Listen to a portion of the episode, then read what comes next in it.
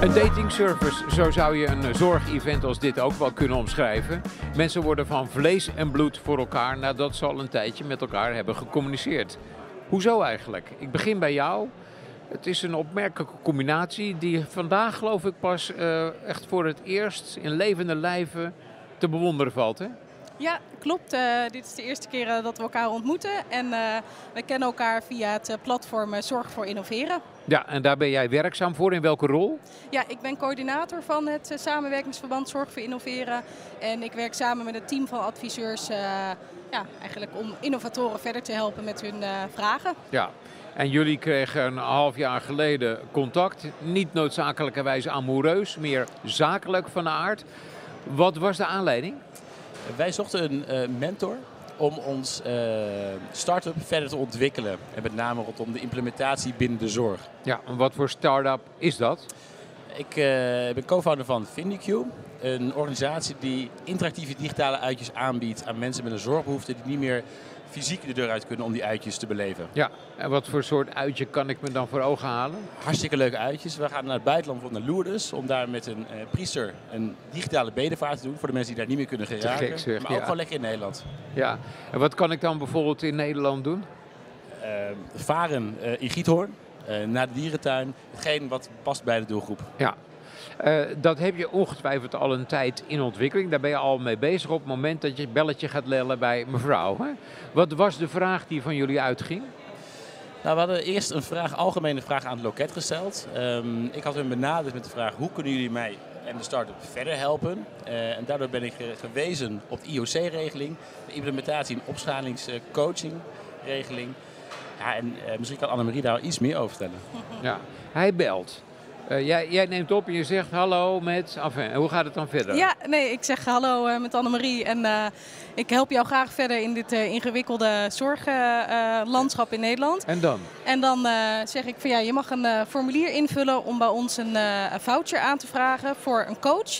En dan kun je zelf aan de slag met een coach die jou dan helpt met een specifieke implementatie of opschalingsvraagstuk. Ja. En zeg je dan gelijk, daar hangt dat en dat prijskaartje aan?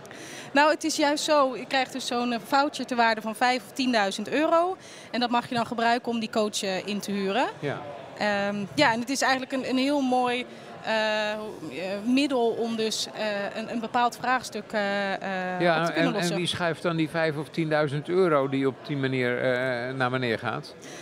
dat doen wij vanuit Zorg voor Innoveren. Dus het samenwerkingsverband van Zonnewee en VWS en ja. RVO en NZA. Wat is dit toch een mooi land af en toe, hè? Ja. Dit betalen we natuurlijk met z'n allen. Ja. dit loopt via de belastingroute eigenlijk. Het gaat naar jullie en jullie... Ja dienen dat, uh, ja, die zetten dat voort richting een partij als deze. Ja. Wat, wat, wat is er vervolgens in de praktijk geschied? Jij belde aan, zij zei hier heb je die voucher. En vanaf dat moment gebeurt wat? Nou, allereerst uh, bij het invullen naar alle documentatie krijg je te horen of het kansrijk is. Nou, het was gelukkig kansrijk in dit geval. Toen ben ik op zoek gegaan naar een mentor. Uh, ik was al een beetje brutaal, want ik hoopte al dat het door zou gaan. Dus ik heb al wat mentoren in mijn netwerk benaderd en ook ja. wat gesprekken gevoerd. Daar zocht ik eentje bij uit. Uh, vanuit daaruit uh, de factuur uh, overgestuurd gekregen en ook ingediend. En dan gaat het traject lopen. En wat voor soort mentor is dat dan? dat is vast geen psychische hulpverlening. Dat zeg je goed. maar, maar, wat wel? Nou, misschien op ten, sommige tijden wel. ja. kan soms ook helpen.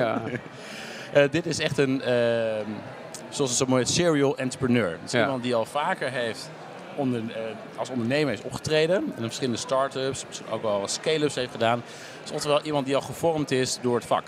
Ja. Dus die aan mij veel kan vertellen, degene, de weg die hij heeft doorlopen. En dat is iemand die hyper gespecialiseerd is op digitaal terrein om jouw behoeften te helpen vervullen. Ja, ja, en ik zocht met name iemand die ook die passie heeft om innovatie neer te leggen in de gezondheidszorg. Waar wij natuurlijk actief in zijn. Ja. En dat haakje zocht ik en die passie zocht ik en dat heb ik in één iemand gevonden. En, en wat nam hij nou mee? Oh, er valt hier een half congres om. Um, wat nam hij nou mee uh, dat je zelf nog niet had in de kern? Heel veel ervaring en uh, ook een netwerk achter hem waar we goed uit kunnen putten. En ook de hele praktische zin van hoe gaan we nou bepaalde dingen heel eenvoudig valideren en vanuit daaruit opbouwen naar het implementeren. Ja. En dat is zo Maak waardevol. dat eens even concreet, want dat zijn allemaal heerlijke abstracte termen. Nou, wij zaten echt in de pilotfase. Wij namen de mensen gratis mee eh, op pad om te leren van hoe gaat het nou in zijn werk? Hoe, hoe kunnen we die beleving nou Ja. eh, creëren voor de mensen alsof ze er zelf zijn? Alsof je zelf in Valkenburg die grot inloopt. Exact, Ja. exact. Maar hoe gaan we dat nou neerzetten in de gezondheidszorg, in de markt, die best moeilijk is. Ehm, in een bepaalde waarde neerzetten waar mensen ook voor betalen. Ook terug voor keren om daarvoor te blijven betalen. Ja, want stel je voor dat ik zo iemand ben, dan denk ik niet bij zeven leuke foto's van die grot in Valkenburg. Ik ben onder de pannen. Hè? Eh, Daar, moet iets meer in zitten. En, en wat is er dan in de praktijk meer te zien dan die zeven lullige foto's? Ja, precies. Er is heel veel meer te zien. En, en daar heeft denk ik ook de, de mentor ontzettend in geholpen. Van hoe kun je nou daar die kwaliteit in leggen? eh, met gesprekken met bestuurders, netwerk vergroten. En kijken waar heeft de zorg nou echt ehm, behoefte aan? Waar kun je nou waarde leggen binnen de zorg? Met de problemen die er al bij zijn. Schrijnende zorgpersoneeltekorten. En ook de mensen die ja, eigenlijk steeds slechter worden in de VVT. Ja, dus die willen die uitjes. Maar Precies. wat krijgen ze dan door die interventie van die specialist meer te zien dan wat jij en ik zelf als leken zouden kunnen bedenken? Een fijne foto of een tekstje van iemand die er ook is geweest. Hoe oogt het dan uiteindelijk? Hoe de, de praktische uitwerking Ja, ja, ja.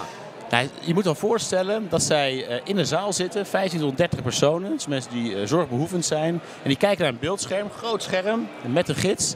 En zij Oh, ze komen wel echt fysiek samen. Letterlijk, hè, dat is die sociale input en die impact die we willen maken. Dus zij praten onderling, maar ook interacteren met de gids die er live is. En omdat het live is, maakt het ook hun eigen beleving. Ja, dat snap ik. Ja, ja. Dus je bent eigenlijk verbonden met die plek, ook al zit je bij elkaar op een heel andere locatie. Exact. Ja. Ja, de maatschappij halen we naar binnen toe. Kun je een ander voorbeeld geven van, van een club die jullie hebben gesteund, gesteund en ons vertellen wat daar dan eh, eigenlijk uit voortvloeide? Ja, ja, zeker. We hebben, afgelopen jaar hebben wij eh, 400 eh, innovaties eh, verder geholpen met een, met een coach. Dus er zijn Ja. heel veel verschillende voorbeelden. Ander heel mooi voorbeeld is bijvoorbeeld TrueSim. Eh, dat is vanuit de passie vanuit twee IC-verpleegkundigen ontstaan. Eh, dat ze ook zagen van hè, eh, in de opleiding bij de zorg moet je met patiënten werken, maar dat gebeurt vaak met poppen op locatie, kost veel tijd. Dus zij hebben met augmented reality hebben zij eigenlijk die omgeving proberen te simuleren. Ja. Ehm, maar wat zij zelf ook zeiden, van ja, wij zijn IC-verpleegkundigen. Wij hebben geen kennis, geen ervaring van het ondernemerschap. Ehm, en dat heb je toch wel nodig om te innoveren en om die stap verder te Ja. zetten. Dus zij hebben een coach ingehuurd die hun dus echt heeft geholpen met marktonderzoek, eh, met het betrekken van de eindgebruiker. Ehm, ja, ook eh, eh, waar is de vraag naar hoe kan ik dit uiteindelijk ervoor zorgen dat dit terecht komt Ja. op de plek waar het moet komen. Ja, een mooi ander Eh, ja. Wa- wa- Wat is in de praktijk nou best ingewikkeld? Waar lopen jullie nog wel tegenaan? Ja, eigenlijk zijn dat verschillende dingen. Ehm, het is ook wel dat je bijvoorbeeld ziet van dat mensen niet precies weten waar ze terecht kunnen met hun vragen. Dat ze niet weten waar financiering is. Hoe zorg ik ervoor dat mijn innovatie eh, terechtkomt in de praktijk. Dus het heeft ook heel veel te maken met hè, de juiste mensen kennen, het juiste netwerk hebben. Ehm, de wet en regelgeving is heel complex. Ehm, dat weten we ook in Nederland. Maar dat is juist natuurlijk om ervoor te zorgen dat de kwaliteit heel, heel hoog is. Maar vind daar je weg daarmee Ja. eens in. En vooral als je ook bijvoorbeeld niet in de zorg eh, werkzaam bent. En hoe kom ik eigenlijk te weten, als ik niet, besta als ik niet weet dat jullie bestaan, dat jullie bestaan? Eh, ja, dat is ook de reden waarom we dus nu hier zitten. ja. Ehm, ja, wat wij proberen is zoveel mogelijk zichtbaar te zijn en eh, zoveel mogelijk eigenlijk netwerk op te bouwen. Hier en- rond te lopen bijvoorbeeld. Ja. Ja, ja. En waar loop jij nog tegenaan? Waar ik tegenaan loop, dat is een goede vraag. Ik denk dat ik met name tegen het ehm, opschalingsproces binnen de zorg aanloop. En ehm, ik heb In, ook in de zin van meer mensen naar die zalen krijgen of Nee, instanties waarmee je samenwerkt. Nou, het- is zo zelfs zo dat de gezondheidszorg ook eh, anders is in het westen dan in het oosten. Ook Aha. al zelfs in ons kleine landje. Ja. En eh, dat is ook een heel ander netwerk. Dus wij moeten daar nog ehm, goed overal landen met onze waardepropositie. Hoe, hoe werkt het dan anders in het oosten dan in de Randstad? Nou, ten eerste eh, in het westen is meer innovatie. Ook meer innovatiegelden aanwezig. Ja. Ehm, in het oosten ja, zijn ze nog niet zo bezig met eh, innovatie. En dan zijn ze ook veel con- conservatiever. Hmm. Conservatief is sowieso wel een woord dat veel voorkomt bij de gezondheidsinstellingen. Maar eh, ja, dat Ja. is algemeen bekend. Er is nog een, een wereld te winnen. Absoluut. Veel succes daarmee. Dankjewel. Hi. Dankjewel.